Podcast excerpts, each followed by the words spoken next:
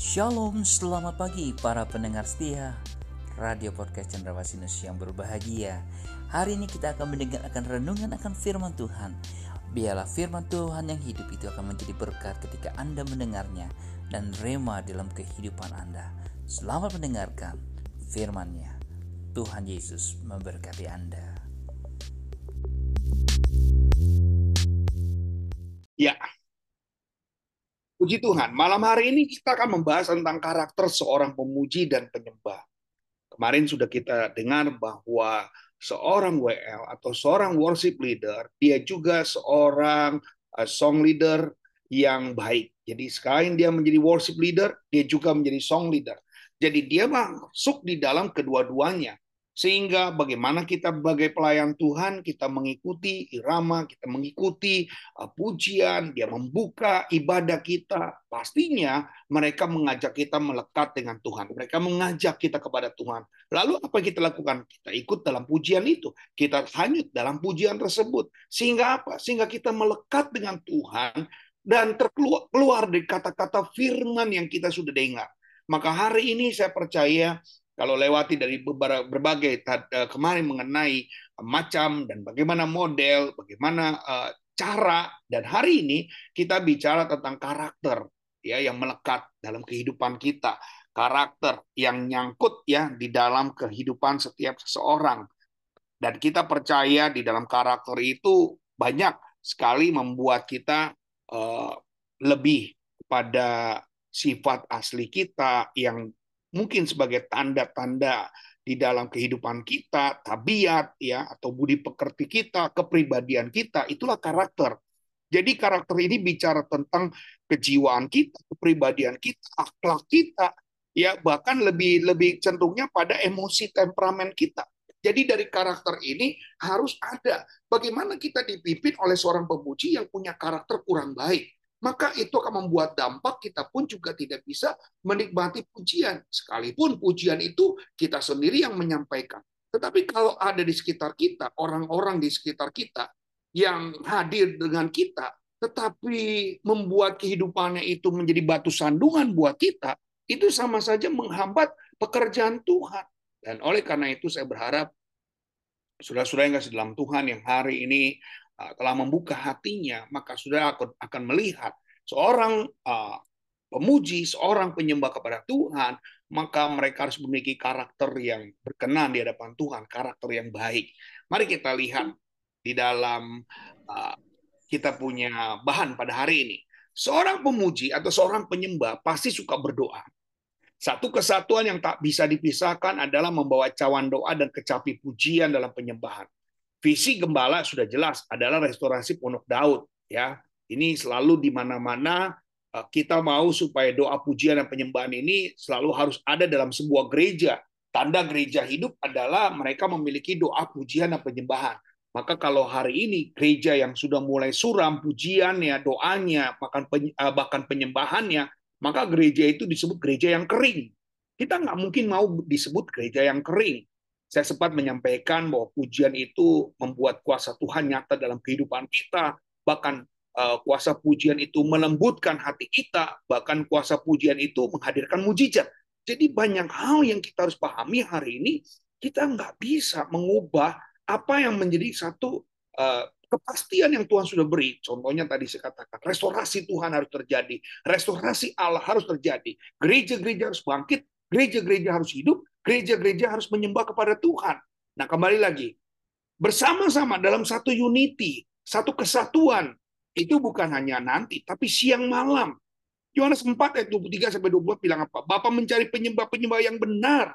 Allah itu roh dan barang siapa menyembah dia harus menyembahnya dalam roh dan kebenaran. Saudara-saudara kita nggak bisa. Apa yang kita lakukan itu dalam kesendirian. Apa yang kita lakukan itu Eh, dalam diri kita hanya wah saya hanya berani untuk dalam diri saya sendiri. Nggak bisa bapak ibu. Kita tetap harus menjadi satu orang yang uh, bertanggung jawab. Kita menjadi orang yang sangat-sangat dipercaya oleh Tuhan untuk kita bisa melakukan semua tugas panggilan-panggilan Tuhan. Pak Charles tolong bantu saya uh, baca di dalam Yudas. Yudas pasal 1 tolong bantu Pak Charles Yudas pasal 1, Bapak Ibu juga bisa dengar apa yang dibacakan nanti. Yudas memang cuma pasalnya cuma satu ya. Iya. Yudas pasal 1 dari ayat 17 17 sampai 23 Pak Charles. Ya. Yudas ya. pasal 1 ayat 17 sampai yang ke-23. Yes. Tetapi kamu saudara-saudaraku yang kekasih, ingatlah akan apa yang dahulu telah dikatakan kepada kamu oleh rasul-rasul Tuhan kita Yesus Kristus Sebab mereka telah mengatakan kepada kamu menjelang akhir zaman akan tampil pengejek-pengejek yang akan hidup menuruti hawa nafsu kefasikan mereka. Mereka adalah pemecah belah yang dikuasai hanya oleh keinginan-keinginan dunia ini dan yang hidup tanpa roh kudus. Akan tetapi kamu, saudara-saudaraku yang kekasih, bangunlah dirimu sendiri di atas dasar imanmu yang paling suci dan berdoalah dalam Roh Kudus. Peliharalah dirimu sedemikian rupa dalam kasih Allah sambil menantikan rahmat Tuhan kita, Yesus Kristus, untuk hidup yang kekal. Tunjukkanlah belas kasihan kepada mereka yang ragu-ragu. Selamatkanlah mereka dengan jalan merampas mereka dari api. Tetapi tunjukkanlah belas kasihan yang disertai ketakutan kepada orang-orang lain juga dan bencilah pakaian mereka yang dicemarkan oleh keinginan-keinginan dosa. Amin. Pak Charles tolong baca ayat yang ke-20 ayat yang ke-20 bilang apa? Akan tetapi kamu saudara-saudaraku yang yes. kasih bangunlah dirimu sendiri. Bangunlah dirimu sendiri. Terus apa lagi? Di atas dasar imanmu yang paling suci. Yes, terus? Dan berdoalah dalam Roh Kudus. Oke. 21. Peliharalah dirimu demikian oh. dalam kasih Allah. Ya, cukup. Bangun dan pelihara bukan lagi bagiannya Tuhan. Bangun dan pelihara udah bagiannya kita. Coba Bapak perhatikan, Bapak Ibu perhatikan. Yudas pasal 1 ini ayat 20 dan 21, dia bilang apa? Bangunlah dirimu sendiri, peliharalah dirimu sendiri. Roh dan kebenaran ini ya kita yang harus bangun. Doa pujian penyembahan ya harus kita. Itulah yang membuat kita makin berkarakter bersama dengan Kristus. Kita sering kali lupa siapa yang akan memimpin hidup saudara selama ini dengan ujian yang begitu banyak, masalah yang begitu besar, tekanan yang begitu hebat dalam kehidupan kita, silih berganti, lagi-lagi sudah bilang kalau bukan karena Tuhan, mungkin saudara tidak mampu untuk menghadapi kehidupan saat sekarang ini. Tapi kalau saya katakan saudara hari ini masih bisa mampu, itu adalah salah satu salah satu bukti bahwa saudara adalah orang yang kuat. Jadi kekuatan kita bisa sampai hari ini karena kita sendiri yang berjuang. Roh yang ada di dalam kita itu roh yang lebih besar daripada roh yang ada di luar sana. Tuhan sudah kasih roh dalam diri kita. Jangan kita bikin tidur, Tuhan sudah kasih roh dalam diri kita. Jangan bikin roh itu jadi nganggur. Kenapa? Karena kita nggak pernah maksimalkan. Ngaku orang percaya. Ngaku mau setia sama Tuhan. Tapi nggak mau berkorban. Hari-hari ini orang mungkin gampang bisa melayani Tuhan, mudah, tetapi dia nggak dia nggak boleh lupa bisa ada di sana para imam dia harus punya doa puasa yang kuat Dulu imam dia harus berdoa dulu untuk masuk dalam bait Allah. Gak sembarangan bisa melayani dalam bait Allah. Gak sembarangan dalam pelayanan mimbar.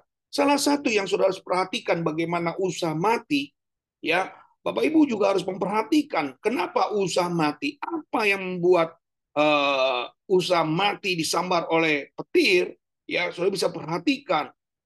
Ya, kita bisa memahami bahwa ketika dia pegang tabut perjanjian Tuhan, lalu Tuhan marah, ya.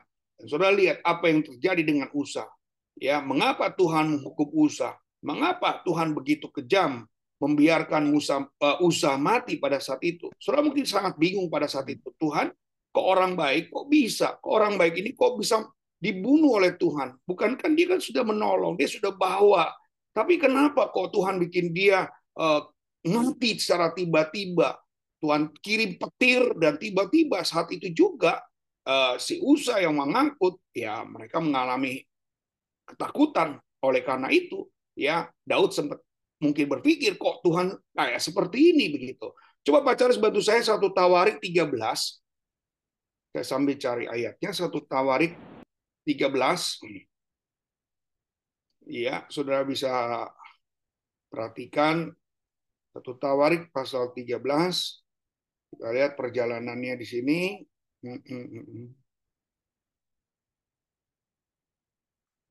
Iya, ayat yang ke-6, Pak Charles. Ayat yang ke-6 dulu sampai ayat yang ke-11.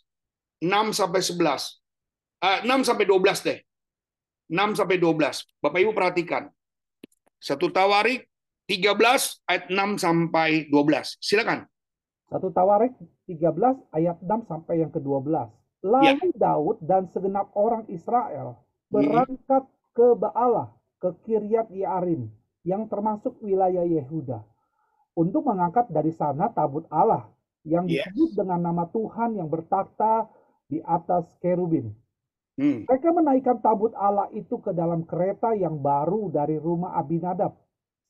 Sedang Uza dan Ahyo mengantar kereta mengantarkan kereta itu.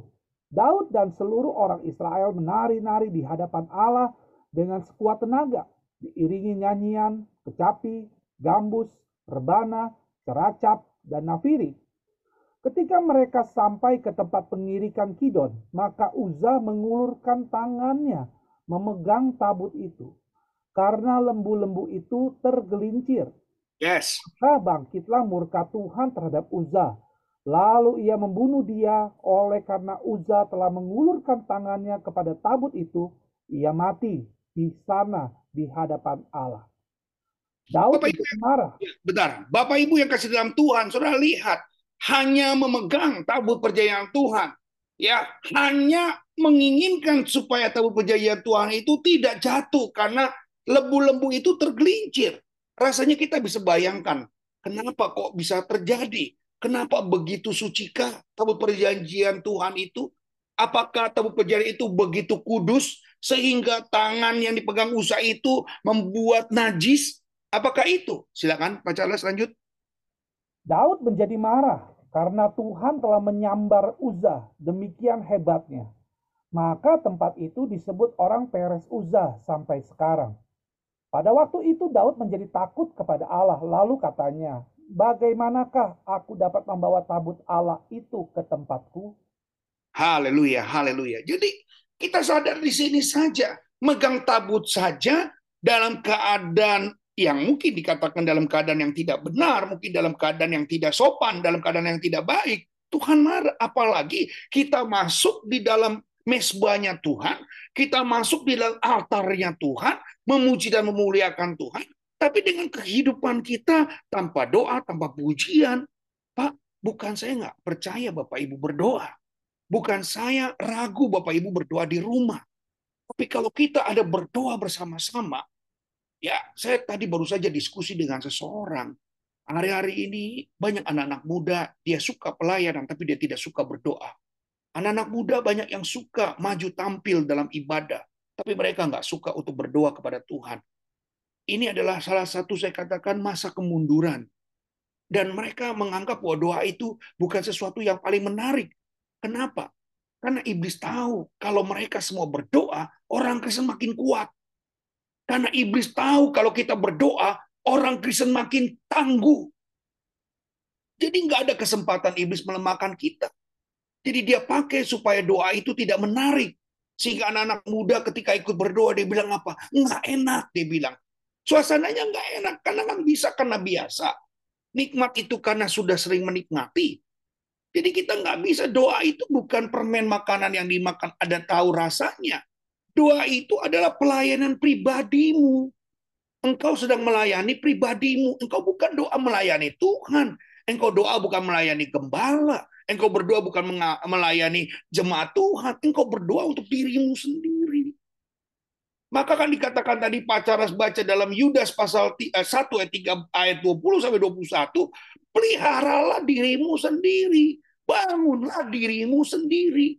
Jadi bukan sesuatu yang hari ini menjadikan kita lupa bahwa Tuhan itu memang menginginkan kita sendiri yang melakukan.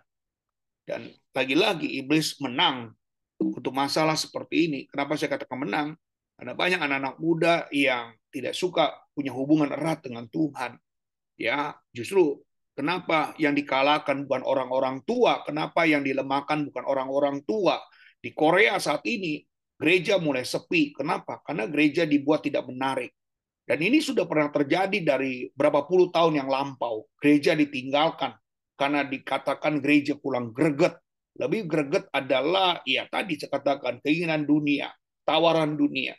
Dan maka nggak salah firman Tuhan bilang, banyak yang terpanggil, sedikit yang terpilih. Ya karena memang kelakuan manusia seperti itu.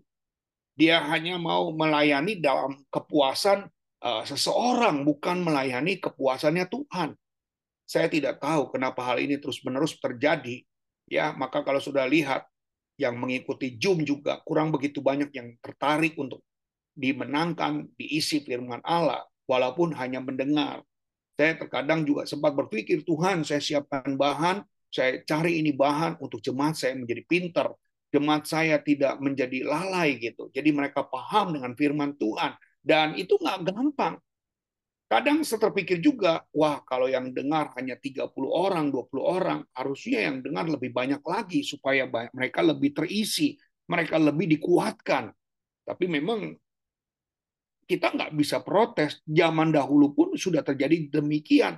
Ya iblis maunya apa? Akhirnya saya lemah, saya malas, lalu saya bilang, ya sudahlah Bu Yani, mulai Senin besok, jumnya stop. Iblis akan tepuk tangan Bapak Ibu iblis akan tepuk tangan. Kenapa? Karena saya stop. Saya juga nyaman, saya nggak capek lagi. Dan kalau saudara enak cuma hidupin Zoom dan jadi pendengar. Tapi saya harus baca firman, saya harus korek lagi, cari sejarahnya, saya harus cari penekanannya, supaya apa yang saya ajarkan, jemaat Tuhan tidak merasa sia-sia. Dia merasa, wah saya ikut Zoom, saya diberkati loh. Saya nggak ngerti jadi ngerti. Nah, iblis nggak mau, ini gampang. Iblis nggak mau, tapi saya cuma bilang, Tuhan bilang dalam firman-Nya, dua tiga orang saja engkau berkumpul, aku hadir. Apalagi ini lebih dari dua tiga, saudara. Bahkan sepuluh kali dua tiga orangnya ini. Udah hampir 18 orang, udah hampir 17 orang yang ikut. Buat saya adalah sesuatu tetap. Bapak Ibu bisa diberkati. Bahkan banyak pengalaman-pengalaman yang kita bisa terima pada saat sekarang ini. Amin. Nah, kita lanjutkan. Gaya hidup seorang penyembah, ada beberapa hal yang saya boleh sampaikan sehingga berkarakter, sehingga saudara mempunyai sesuatu yang patut dibanggakan. Yang pertama punya hubungan yang erat dengan Tuhan. Hubungan erat tidak akan pernah terjadi kalau hanya satu kali dalam perjumpaan dia satu minggu. Sekali lagi, perjumpaan yang erat, hubungan yang erat tidak dihasilkan dalam waktu singkat. Sekali lagi, kalau kita hanya berjumpa dengan waktu yang singkat, kita tidak akan bisa membangun hubungan yang erat. Bapak Ibu pasti punya teman terdekat kalau misalnya dia pacaran dengan kita, datangnya dua minggu satu kali, satu bulan satu kali, ah, lama-lama kita LDR dan lama-lama tidak punya rasa sayang atau rasa percaya diri. Kenapa? Karena jarang. Tapi kalau dia sudah ingin cinta dengan dia, dia nggak nggak but, uh, dia nggak mau hanya satu minggu satu kali. Kalau bisa setiap menit, setiap jam bisa jumpa dengan dia. Kalau itu terjadi, maka hubungan erat mulai terjadi. Kita pun sama.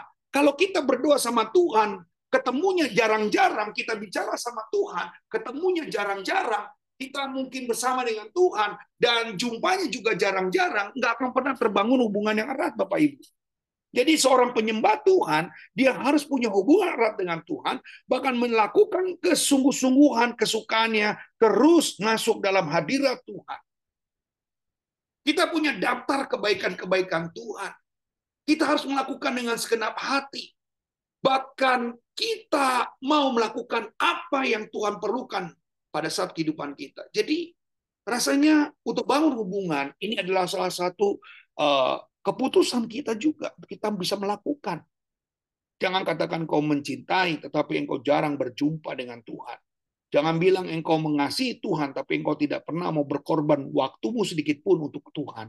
Jadi kalau kau benar-benar cinta sama Tuhan, bangun hubungan yang erat dengan Tuhan, bangun hubungan yang baik dengan Tuhan, percaya Tuhan akan lakukan segala suatu perkara yang luar biasa dalam hidup. Yang kedua, harus punya kerendahan hati dan sikap seorang hamba. Hamba yang humble, hamba yang punya kerendahan hati. Maka lagi-lagi kerendahan hati ini bukan sesuatu yang tidak penting, sangat penting Bapak Ibu. Tuhan bisa pakai semua orang. Tapi ada banyak orang yang dipakai Tuhan akhirnya menjadi tinggi hati. Dan Tuhan justru tidak suka dengan orang yang dipakai lalu mempunyai ketinggian hati. Artinya dia merasa tidak perlu lagi berdoa, tidak perlu lagi punya hubungan dengan Tuhan, tidak perlu lagi punya konektivitas dengan Tuhan, karena merasa apa? Sudah merasa terdekat dengan Tuhan. Pak, Bu, kita udah capek dalam pelayanan. Apa kita harus berhenti berdoa? Rasanya kan kita sudah berdoa sama Tuhan. Lalu kita bisa stop berdoa sama Tuhan? Enggak. Sudah sudah baca Alkitab. Apakah kita berhenti baca Alkitab berikutnya? Karena sudah tadi siang sudah baca Alkitab. Tidak. Kita nggak bisa. Kalau orang yang punya kerendahan hati, dia tetap merasa apa yang pernah dia pernah lakukan jauh sebelumnya, ya saya percaya sudah harus lakukan. Saya senang dengan suatu kalimat kemarin katakan, kalau kita memberi pujian kepada orang lain, maka 98 persen orang akan kembali lagi memuji kita. Dan bahkan 75, 79 persen orang akan menawarkan kebaikan buat saudara. Jadi ini yang kita harus berpikir bahwa kerendahan hati ternyata sebagai seorang pemuji, sebagai seorang penyembah Tuhan, ingat kalau doamu pada waktu itu ketika engkau memimpin banyak orang yang menangis, ketika engkau memimpin doa banyak orang yang hancur hatinya, ingat engkau tetap harus memiliki kerendahan hati karena pekerjaan itu bukan pekerjaanmu. Pekerjaan yang bisa membuat orang hancur hati, nangis, rubah, sakit disembuhkan, lemah dikuatkan. Itu bukan karenamu, tapi karena kuasa Tuhan. Amin. Karena Roh Kudus yang telah memimpin kehidupan kita. Yang ketiga, nggak boleh sombong. Ada dia tahu Tuhan sedang mencari penyembah di hari-hari terakhir, bukan penyembah yang Tuhan cari.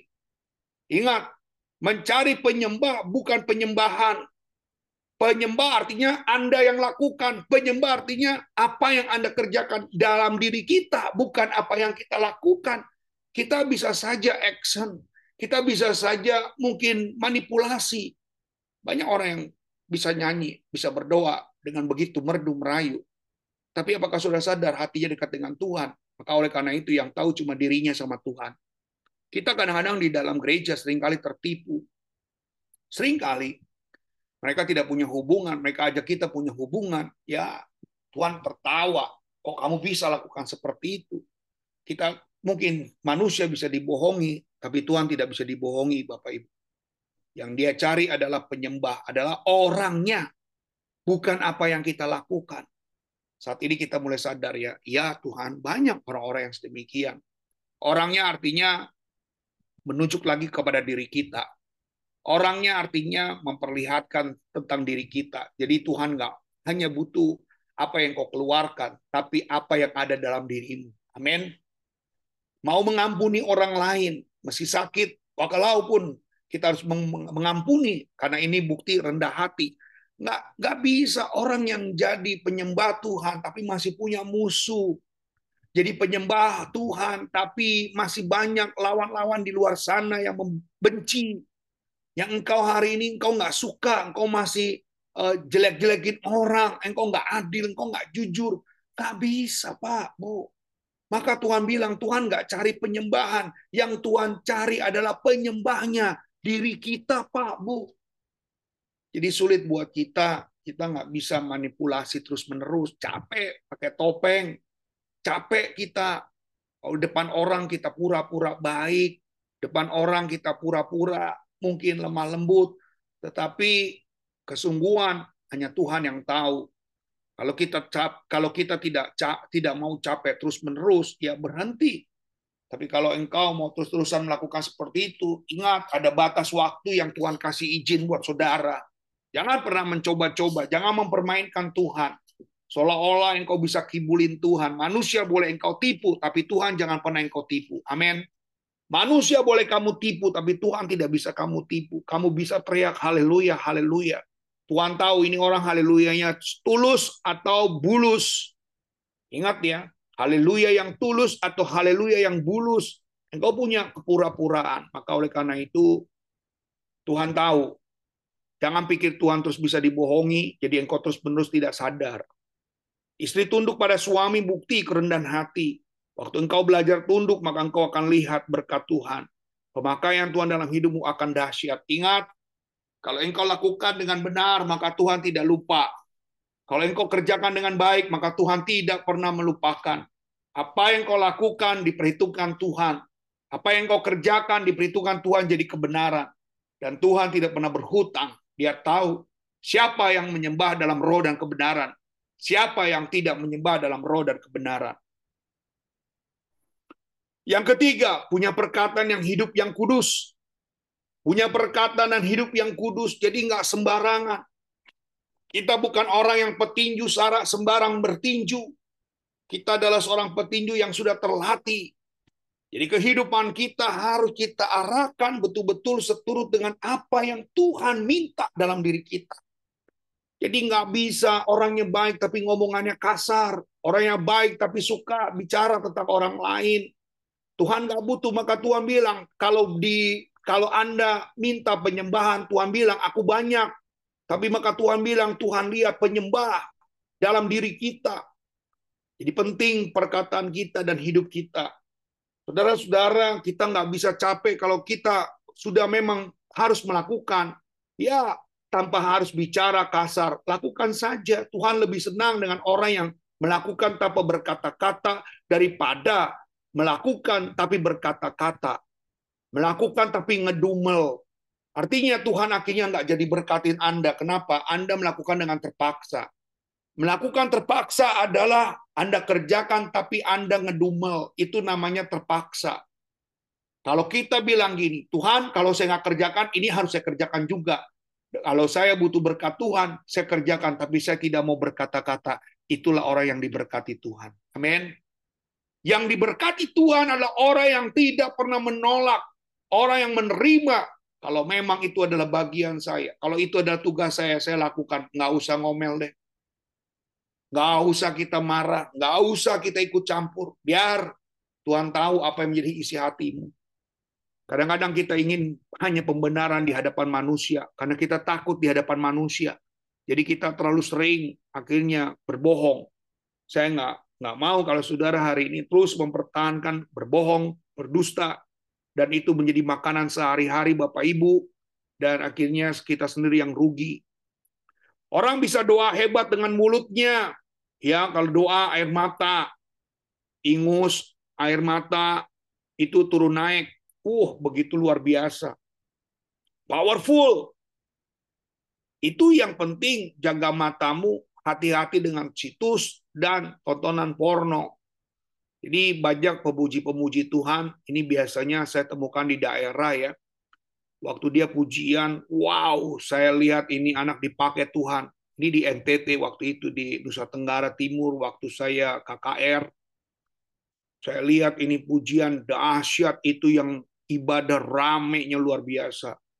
Hampir ada dipenuhi sampai 300 orang saya lihat karena di dalam gereja ya. Dan dia memimpin dengan wah saya bilang ini dahsyat ini anak muda. Tapi pada waktu saya khotbah masuk dalam sesi pornografi, dia justru saudara paling kenceng nangisnya. Kenapa? Ya tadi, Tuhan nggak bisa ditipu Bapak Ibu.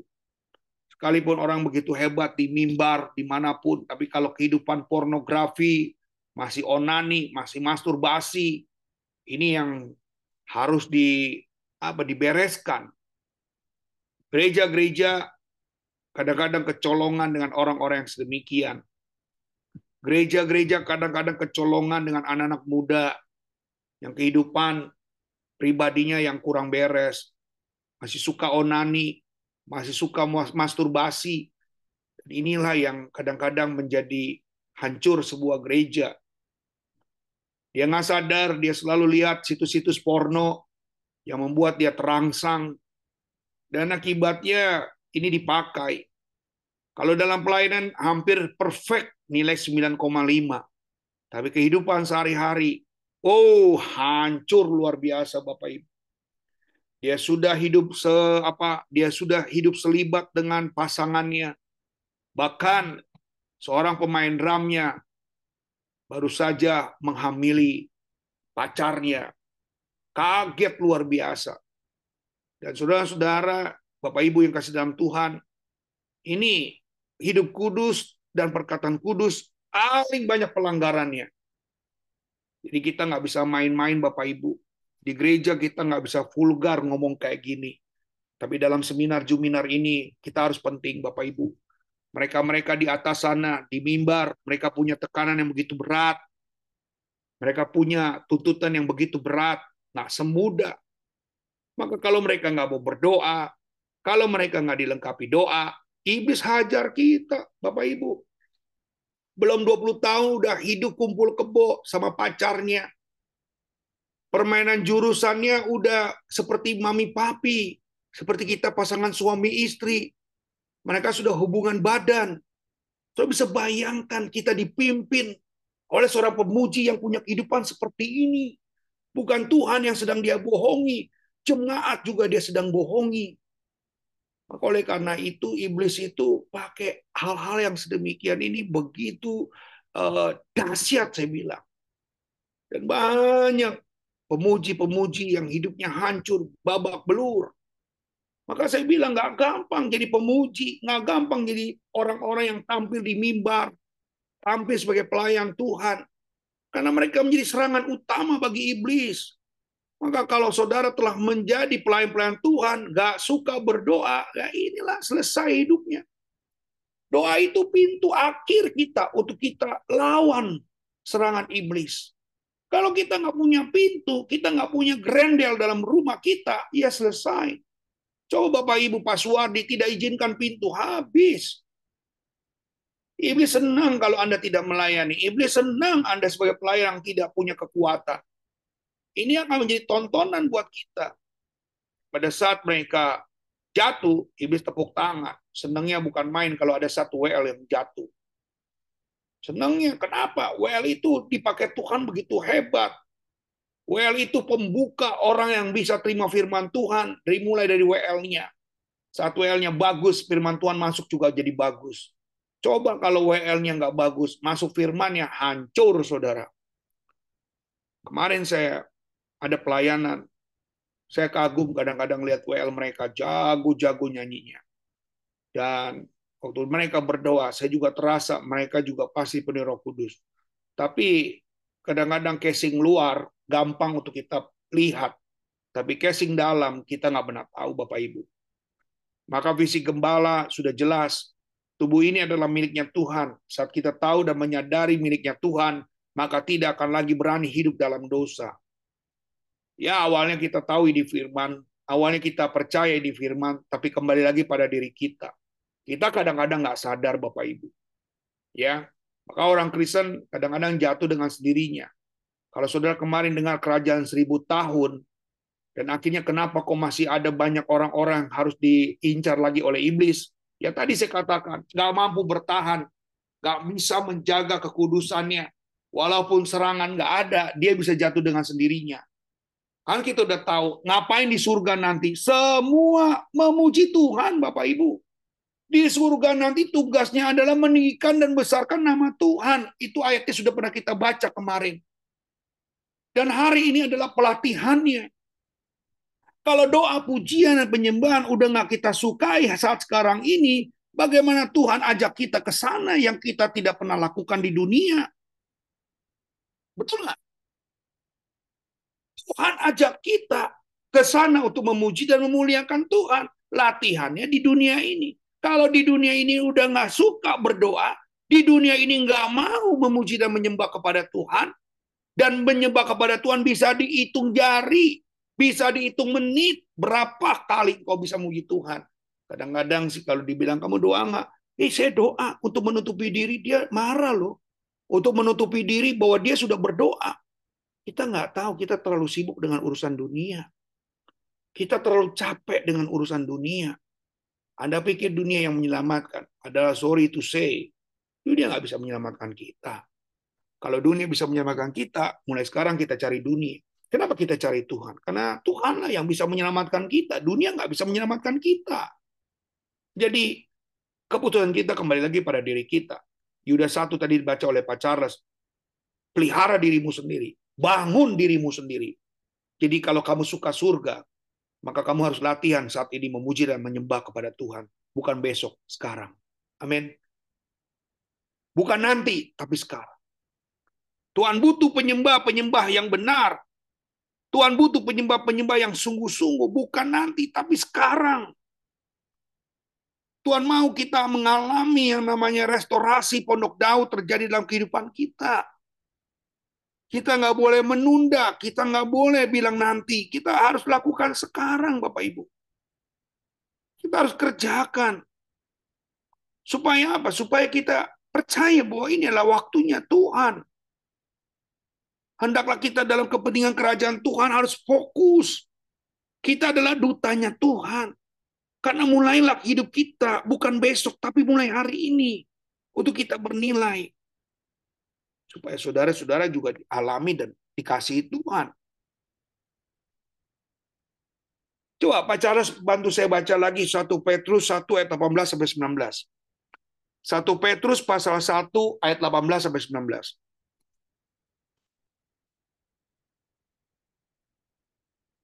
Satu Petrus pasal 1 ayat 18 dan 19. Sampai 19. Ya. Sebab kamu tahu bahwa kamu telah ditebus dari cara hidupmu yang sia-sia yang kamu warisi dari nenek moyangmu. Itu bukan dengan barang yang fana, hmm. bukan pula dengan perak atau emas, hmm. melainkan dengan darah yang mahal, yes. yaitu darah Kristus. Amin. Sama seperti darah anak domba yang tak bernoda dan tak bercacat. Amin. Amin.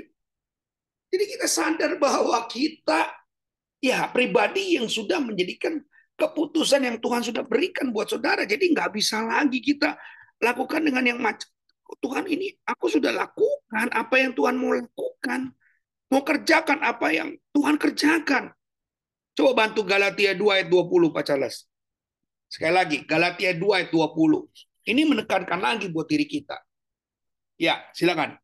Galatia pasal 2 ayat 20. Ke 20. Namun aku hidup, aku tetapi hidup. bukan lagi aku sendiri yang hidup. Ah, sadar. Bentar, bentar, Pak Charles. Bukan aku sendiri yang hidup, artinya kita nggak punya wewenang lagi. Kita udah lepas wewenang. Artinya hidupmu ini sudah menjadi kepemilikannya Tuhan. Jadi kita ibaratnya dikasih numpang. Kita dikasih dengan ekstra sama Tuhan.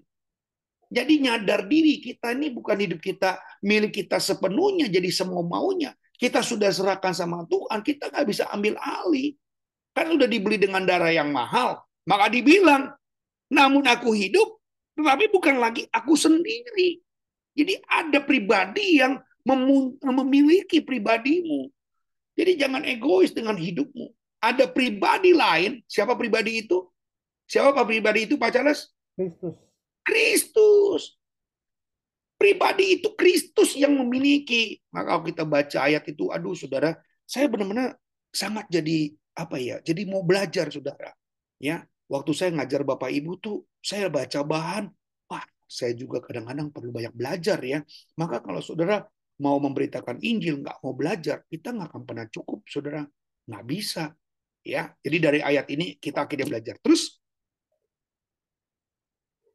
lanjut. Melainkan Kristus yang hidup di dalam aku. Oh, Kristus yang ada di dalam hidupmu. Terus? Dan hidupku yang kuhidupi sekarang di dalam daging adalah hidup oleh iman dalam anak Allah yang telah mengasihi aku dan menyerahkan dirinya untuk aku. Amin. Jadi kita jangan jadi orang yang bocengli, jadi orang yang egois dengan apa yang sudah Tuhan lakukan, mau menerima tapi tidak memberi, mau melaku, mau melaku, merasakan tapi tidak mau melakukan, mana bisa?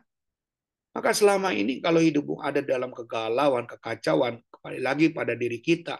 Waktu engkau muda, waktu engkau sehat, waktu engkau baik, udah nggak engkau lakukan bagi Tuhan. Maka hari ini pertanyaannya kita nggak bisa sia-siakan hidup kita saat sekarang ini. Ya, lanjut. Kita harus disiplin setiap hari dalam penyerahan total sama Tuhan. Pak, Bu, kita disiplin belum? Kata disiplin dalam berasal dari kata disciple. Dan kita dituntut, untuk menjadi orang yang punya keteladanan. Ya, jadi tanpa ada orang-orang yang memperhatikan kehidupanmu, tanpa ada orang yang ngeker kehidupan kita, tanpa ada orang yang uh, memperhatikan kehidupan kita, memang harusnya baik ya, jadilah baik. Kalau memang harusnya benar, ya jadilah benar. Kita nggak bisa abu-abu. Kalau di gereja kita baik, kalau di luar kita bebas. Kita mau ngapain kek, kita mau berbuat apa kek, nggak bisa Pak Bu. Hari ini kita mau berbuat nggak benar, tetangga mata ngeliatin kita ngomong keras salah, ngomong ini salah. Orang Kristen memang selalu banyak salahnya. Nah, artinya seorang penyembah adalah seorang yang disiplin.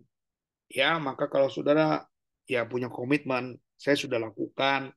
Kalau kita berjanji sama Tuhan, Tuhan 352 ya, saya bangun 348 saya sudah bangun, ya biasa ngetik-ngetik dulu, eh, bikin bahan, dapat bahan, baru di-share dan akhirnya itu udah jadi habit. Dulunya males banget ya, capek begitu.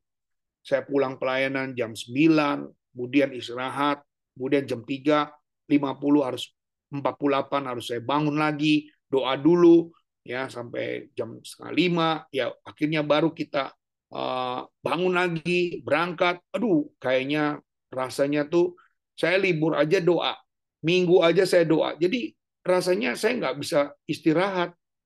Karena apa? Udah jadi habit. Pokoknya jam itu harus bangun kamu berdoa. Jam itu bangun kamu harus berdoa. Posisi di mana saja itu sudah saya lakukan. Dan kenapa? Karena disiplin. Orang disiplin itu nggak boleh hanya dilihat orang. Nggak dilihat orang pun harus disiplin. Amin. Menyenangkan hati Tuhan, bukan nyenengin diri sendiri. Penyembahan itu mengikuti kesukaan dan keinginan yang disembah. Siapa yang kita sembah? Yesus. Jadi jangan bilang, aduh kok pujiannya nggak enak, uh, penyembahannya nggak asik, doanya nggak seru, doanya nggak menarik. Doa nggak menarik, emang doa ini menarik hatimu atau menarik hatinya Tuhan? Kadang-kadang saya jadi bingung, kok orang bilang, kenapa sih nggak mau ikut doa, habis doanya nggak menarik. Saya tanya, kamu kalau doa menarik, menyenangkan dirimu atau menyenangkan hati Tuhan? Ini yang kadang-kadang keliru, saudara. Doa lah nyenangin diri kita. Gak. Kita sedang nyenengin dirinya Tuhan. Kita sedang menyembah dirinya Tuhan. Maka mau nyenengin Tuhan, kemarin saya sempat hari Sabtu mimpi doa. Saya nggak kasih diam tuh. Saya kasih ngomong, ayo ngomong sama Tuhan. Ngapain kamu datang kalau cuma untuk diam? Kalau kamu datang sama Tuhan untuk diam, oh ya udah aja nggak usah datang. Di rumah juga bisa diam. Saya ajak saudara menyembah kepada Tuhan. Maka hebatnya iblis, lagi-lagi hebatnya iblis, waktu kamu mau berdoa, kamu nggak pernah punya waktu sama Tuhan. Jujur. Itu yang terjadi. Kita selalu nggak pernah punya waktu. Waktu berdoa. Kenapa? Karena iblis nggak izinkan. Iblis nggak kasih. Iblis sengaja. Engkau pokoknya dibikin sibuk. Engkau selalu dibikin kagak bisa. Engkau selalu dibikin kerjalah, inilah, itulah.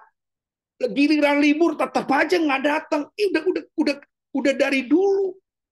Kejadian-kejadian seperti ini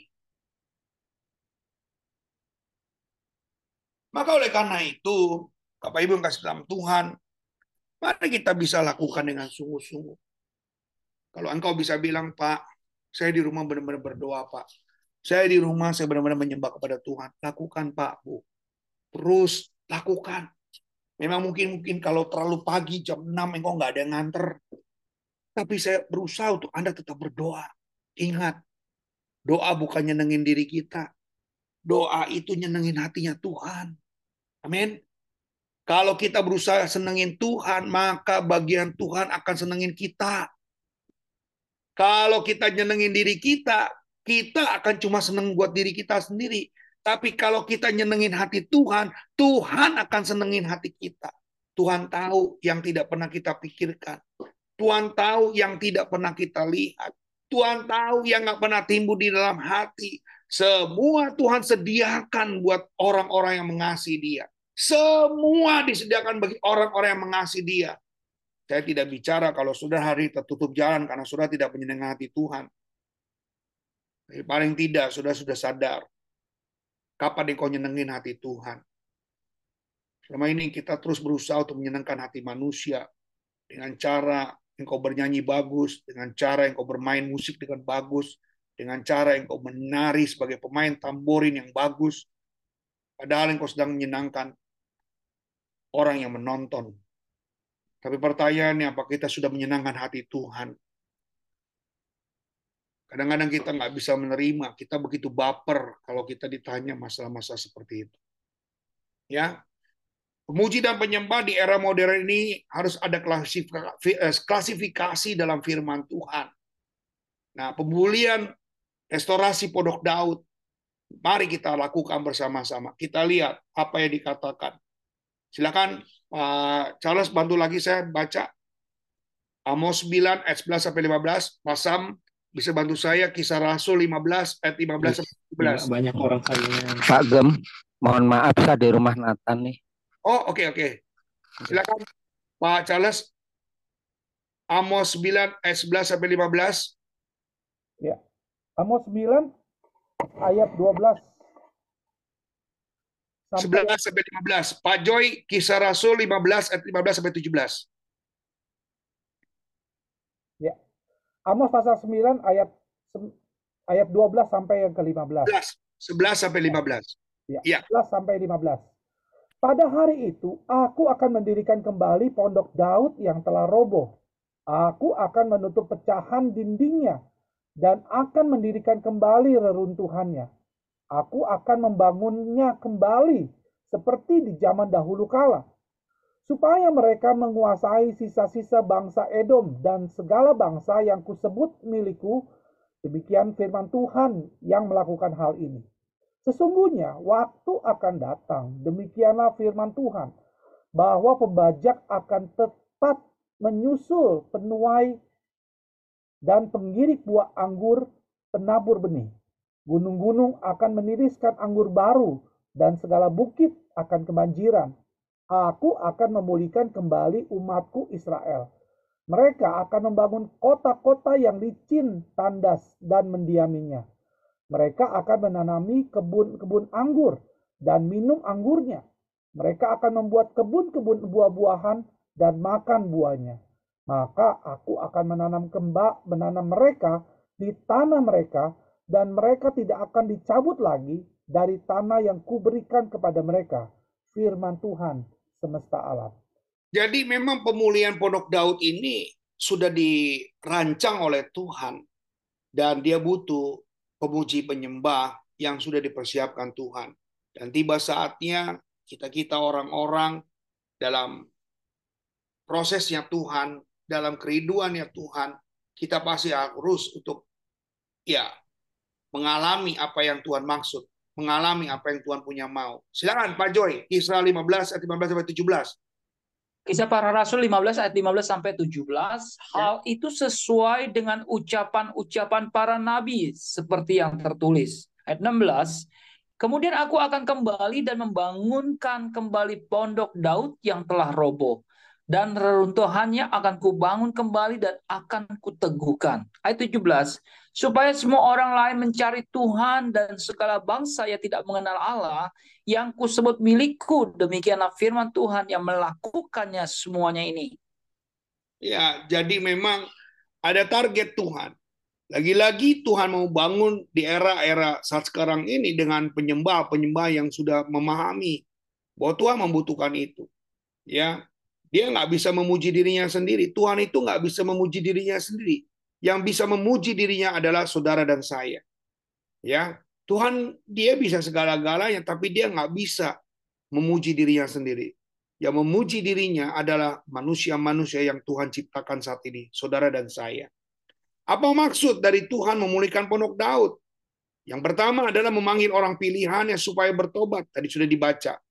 Yang kedua, supaya terjadi pertumbuhan iman yang cepat. Jadi kita perlu dukungan hal-hal yang sedemikian. Bagaimana kita mau jadi pertumbuhan iman yang cepat, sedangkan di dalamnya belum diberesin. Kadang-kadang bilang gini kan, oh kita ini mau dipakai Tuhan, kenapa belum terlaksana-terlaksana? Karena ya tadi, kita rasakan sekali ya Bapak Ibu, doa waktu eh, gedung gereja belum jadi dengan doa setelah gedung gereja jadi, itu jauh beda loh. Sudah sepertinya udah lepas karena merasa sudah menerima ya. Tapi kalau sudah berpikir, kenapa kita dulu bisa doa mati-matian, doa mission impossible? Tangan kita memegang tembok-tembok. Oh, ingat banget saya. Masih ingat betul. Terus kita berdoa supaya tembok ini bergerak terjadi sebuah bangunan baru. Lagi-lagi kita berdoa. Tapi kenapa kita berhenti setelah kita memperolehnya? Padahal ada banyak hal lain lagi yang kita harus lakukan. Doa sendiri nggak nggak bisa begitu kuat, dahsyat pekerjaannya. Tapi kalau doa bersama-sama, makin hari pasti Tuhan akan menunjukkan. Ya, kecurahan Roh Kudus secara besar-besaran itu doanya. Kemuliaan dalam bidang jasmani, rohani, dan materi. Melatih kita untuk membiasakan diri dengan keadaan kerajaan surga. Ini kan saya baca tadi kan. Bagaimana kita untuk bisa ke surga?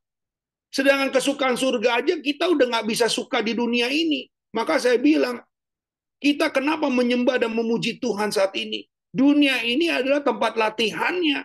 Sebelum kita masuk dalam kerajaan surga yang penuhnya hanya puji-pujian dan penyembahan kepada Tuhan, kalau kita di sini aja nggak terlatih, bagaimana Tuhan kasih izin ke sana? Tuhan bisa izinkan kita ke surga kerajaan seribu tahun nanti, yang isinya hanya pujian dan penyembahan, kita nggak terlatih, kita nggak bisa menyembah, kita nggak bisa berdoa. Karena kita udah nggak terlatih. Maka saudara lihat, latihan-latihan itu nggak pernah iblis izinkan dengan mudah. Latihan-latihan itu iblis nggak kasih izin dengan gampang. Dia bikin persulit. Waktu mau doa nggak bisa. Waktu mau menyembah Tuhan kayaknya nggak mampu. Seberapa engkaukah sudah melayani Tuhan? Apa yang kau sedang melayani manusia? Jangan salah Bapak Ibu. Kita selalu berpikir bahwa kalau kita ada di dalam mimbar atau di atas mimbar, kita sedang melayani Tuhan. Yang melayani Tuhan adalah menyenangkan hatinya Tuhan. Lewat apa? Lewat hidupmu, lewat hidup kita, lewat pekerjaan yang bekerja dalam hidup kita. Ini yang kita lakukan. Bukan kemampuan, skill yang kita lakukan, tapi dengan memuji, dengan mengangkat tangan, menyembah kepada Tuhan. Memanggil dia ya Aba ya Bapa dengan mulutku kita memuji dan besarkan bagi nama Tuhan. Itu yang Tuhan lebih suka. Itu yang Tuhan lebih suka dalam diri kita. Kadang-kadang kita keliru. Ayo kita bereskan. Hari ini ada 19 orang yang ikut dalam Zoom. Kita sudah sadar bahwa hari-hari ini kita jangan sampai dibodoh-bodohi. Kita sudah memahami. Kalau kita hari ini menyembah dan memuji, menyembah, meninggikan nama Tuhan di dunia ini, ini adalah sebagai latihan kita nanti di surga. Coba bacalah, saya sedang baca, coba Wahyu 4 ayat 1 sampai 11 supaya jemaat Tuhan lebih memahami. Wahyu pasal 4 ayat 1 sampai 11. Ini akan memudahkan kita juga untuk kita bisa dalami. Ya, silakan. Wahyu pasal 4 ayat 1 sampai yang ke-11. Kemudian daripada itu aku melihat sesungguhnya sebuah pintu terbuka di surga dan suara yang dahulu yang telah ku dengar berkata kepadaku seperti bunyi sangkakala Katanya, naiklah kemari dan aku akan menunjukkan kepadamu apa yang harus terjadi sesudah ini. Segera aku dikuasai oleh roh dan lihatlah sebuah takhta terdiri di sur, uh, terdiri di surga dan di takhta itu duduk sese, duduk seseorang dan dia yang duduk di takhta itu nampaknya bagaikan permata yaspis dan permata sardis dan suatu pelangi melingkungi takhta itu gilang gemilang bagaikan zamrud rupanya. Dan sekeliling takhta itu ada 24 takhta dan di takhta itu duduk 24 tua yang memakai pakaian dan mahkota emas di kepala mereka. Dan dari takhta itu keluar kilat dan bunyi guruh yang menderu. Dan tujuh obor menyala-nyala di hadapan takhta itu. Itulah ketujuh roh Allah. Dan di hadapan takhta itu adalah ada lautan kaca bagaikan kristal. Di tengah-tengah takhta itu dan di sekelilingnya ada empat makhluk penuh dengan mata di sebelah buka dan di sebelah belakang. Adapun makhluk yang pertama sama seperti singa dan makhluk yang kedua sama seperti anak lebu dan makhluk yang ketiga mempunyai muka seperti muka manusia dan makhluk yang keempat sama seperti burung nazar yang sedang terbang. Dan keempat makhluk itu masing-masing bersayap enam sekelilingnya dan di sebelah dalamnya penuh dengan mata. Dan, dan dengan tidak berhenti-hentinya Mereka berseru siang dan malam, Kudus, Kudus, Kuduslah Tuhan yang Maha Kuasa, yang sudah ada, dan yang ada, dan yang akan datang. Dan setiap makhluk-makhluk itu mempersembahkan puji-pujian dan hormat dan ucapan syukur kepada Dia yang duduk di atas takhta itu dan yang hidup sampai selama-lamanya. Maka tersungkurlah ke-24 tua-tua itu di hadapan Dia yang duduk di atas takhta itu, dan mereka menyembah Dia yang hidup sampai selama-lamanya. Dan mereka melemparkan mahkotanya di hadapan takhta itu sambil berkata, Ya Tuhan dan Allah kami, Engkau layak menerima puji-pujian dan hormat dan kuasa, sebab Engkau telah menciptakan segala sesuatu, dan oleh karena kehendakmu, semuanya itu ada dan diciptakan. Haleluya. Bapak Ibu bisa sadar, bisa tahu apa yang dikatakan. Ya, keempat makhluk itu masing-masing bersayap enam. Tidak henti-hentinya mereka berseru siang dan malam. Kudus, kudus, kuduslah Tuhan Allah yang Maha Kuasa. Yang sudah ada, dan yang ada, dan yang akan datang. Setiap kali makhluk itu mempersembahkan pujian, hormat, dan ucapan syukur. Semua dilakukan dengan selama-lamanya. Latihannya udah tahu di bumi ini. Tak mungkin latihan di sana. Kita nggak bisa latihan kalau kita udah mati, Bapak Ibu. Nggak ada tempat pelatihan ketika kita sudah mati. Tapi pelatihannya ketika kita ada di muka bumi ini, kita nggak bisa, kita nggak mau melakukan, kita nggak mau mengerjakan bagaimana kita bisa. Logikanya kan kita udah paham. Iya kita nggak bisa. Mari biasakan dengan apa yang menjadi tabiat ataupun cara kerajaan surga. Kemarin saya sama Pak Sam, ya, sama Pak Febri, sama Pak Suhardi, mendengarkan bagaimana tentang Israel. Katanya nanti ada orang-orang yang akan kembali ke Yerusalem, ke Israel, yang disebut Rafa, Rapa, Rapa-Rapa ini akan balik ke Israel dan mereka akan diterima. Dan bagaimana mereka diterima? Mereka sudah belajar bahasa Ibrani untuk mereka bisa diterima. Saya lagi kebingungan gimana bahasa belajar bahasa Ibrani. Jadi kalau saya orang Israel nggak bisa bahasa Ibrani, saya ditolak. Dan saya lagi mikir, kalau saya nggak bisa bahasa Ibrani, saya ditolak nggak bisa ke Yerusalem. Kalau saya benar-benar mau belajar bahasa Ibrani, saya akan diterima. Maka saya akan pikir kalau saya mau ke Israel, saya mau nak diterima menjadi kelompok-kelompok yang kembali pulang ke Yerusalem, saya harus bisa bahasa Ibrani. Latihan dulu dong. Di mana? Di Indonesia. Saya latihan dulu sampai saya bisa, saya akan pulang. Sama di sini. Kita latihan dulu menyembah dan memuliakan nama Tuhan. Nanti ketika sampai di surga, udah nggak canggung lagi, kita udah bisa. Nggak aneh lagi, dengar kata pujian penyembahan, oh itu mah makanan saya setiap hari. Jadi kalau saudara nggak bisa lakukan sekarang, nggak mau lakukan sekarang, nggak mengerjakan sekarang, saya yakin saudara nggak bisa. Sulit saudara. Doa yang nggak biasa penuh roh kudus, lalu dia berbahasa roh, aneh banget, kelihatan aneh. Orang yang punya roh kudus bisa punya ciri, dia berasa, kepekaan, wah ini doanya Roh Kudusnya cuma main-main nih, setengah-setengah nih, karena dia nggak pernah terbiasa berdoa dengan penuh Roh Kudus. Saudara juga ngerasain loh, kalau main-main terus saya akan berdoa sesama Tuhan. Kan firman Tuhan bilang apa? Jangan mendustai Roh Kudus. Ya. Kemudian ada ciri-ciri pondok Daud. Tabut Allahnya ada, hadirat Allah dan Roh Kudus. Ada kebebasan untuk memuji dan menyembah Dia. Ada alat musik yang bisa digunakan, ada pelayanan nubuatan, dan bahkan tidak ada pembatas lagi ruang kudus dan maha kudus. Saya tadi baca, Pak Charles baca bahwa mereka melempar mahkota. Artinya gini, kalau udah di surga lagi nggak pakai mahkota lagi, saudara. Ya mahkota itu adalah hadiah saudara. Tapi kalau sudah sudah bisa dalam altarnya Tuhan, mahkota itu udah nggak ada karena lebih berharga melekat dengan Tuhan daripada sekedar mahkota itu. Lalu terpikir saya, yang dapat mahkota adalah orang-orang yang berhasil telah melakukan pujian dan penyembahan dengan layak dan dengan benar selama di dunia. Amin. Bapak Ibu yang kasih dalam Tuhan, pelajaran kita hari ini sangat menarik sekali.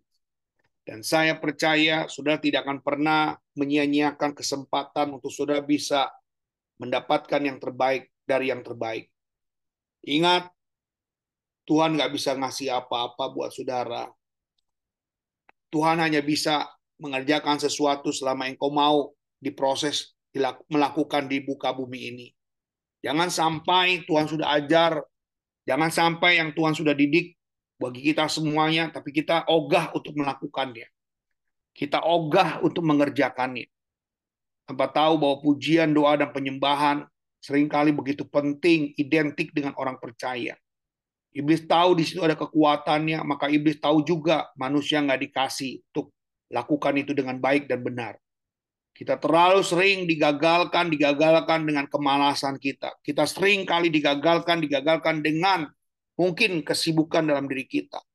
Jangan sampai ini terus-menerus juga kita asik. Setelah itu stop, kita begitu asik. Setelah stop, kita merasa itu cukup. Ayo sama-sama Bapak Ibu yang kasih dalam Tuhan. Latihan yang kita lakukan di muka bumi ini memang membuat kita sering kali gagal nggak bisa. Tapi ingat, kegagalan itu justru iblis ciptakan supaya kita nggak mampu nanti di surga terbiasa di bumi ini akan terbiasa di surga nanti. Bukan terbiasa di surga akan terbiasa di bumi, terbalik. Justru kita harus terbiasa di buka bumi ini supaya nanti di surga kita terbiasa. Yang percaya bilang amin. Amin. Itu saja yang saya boleh sampaikan pada malam hari ini. Minggu depan masih ada lanjutan lagi yang kita akan dengarkan buat Bapak Ibu semuanya dan sangat menarik supaya kita terus ada sedikit lagi yang saya harus selesaikan. Kemarin saya sudah bilang kita ada tiga kali pertemuan karena ini penting sekali untuk kita bisa miliki Bapak Ibu. Mungkin sebelumnya Pak Charles boleh di off. Ada pertanyaan-pertanyaan yang Bapak Ibu sampaikan satu atau dua? Saya Pak Joel. Oh.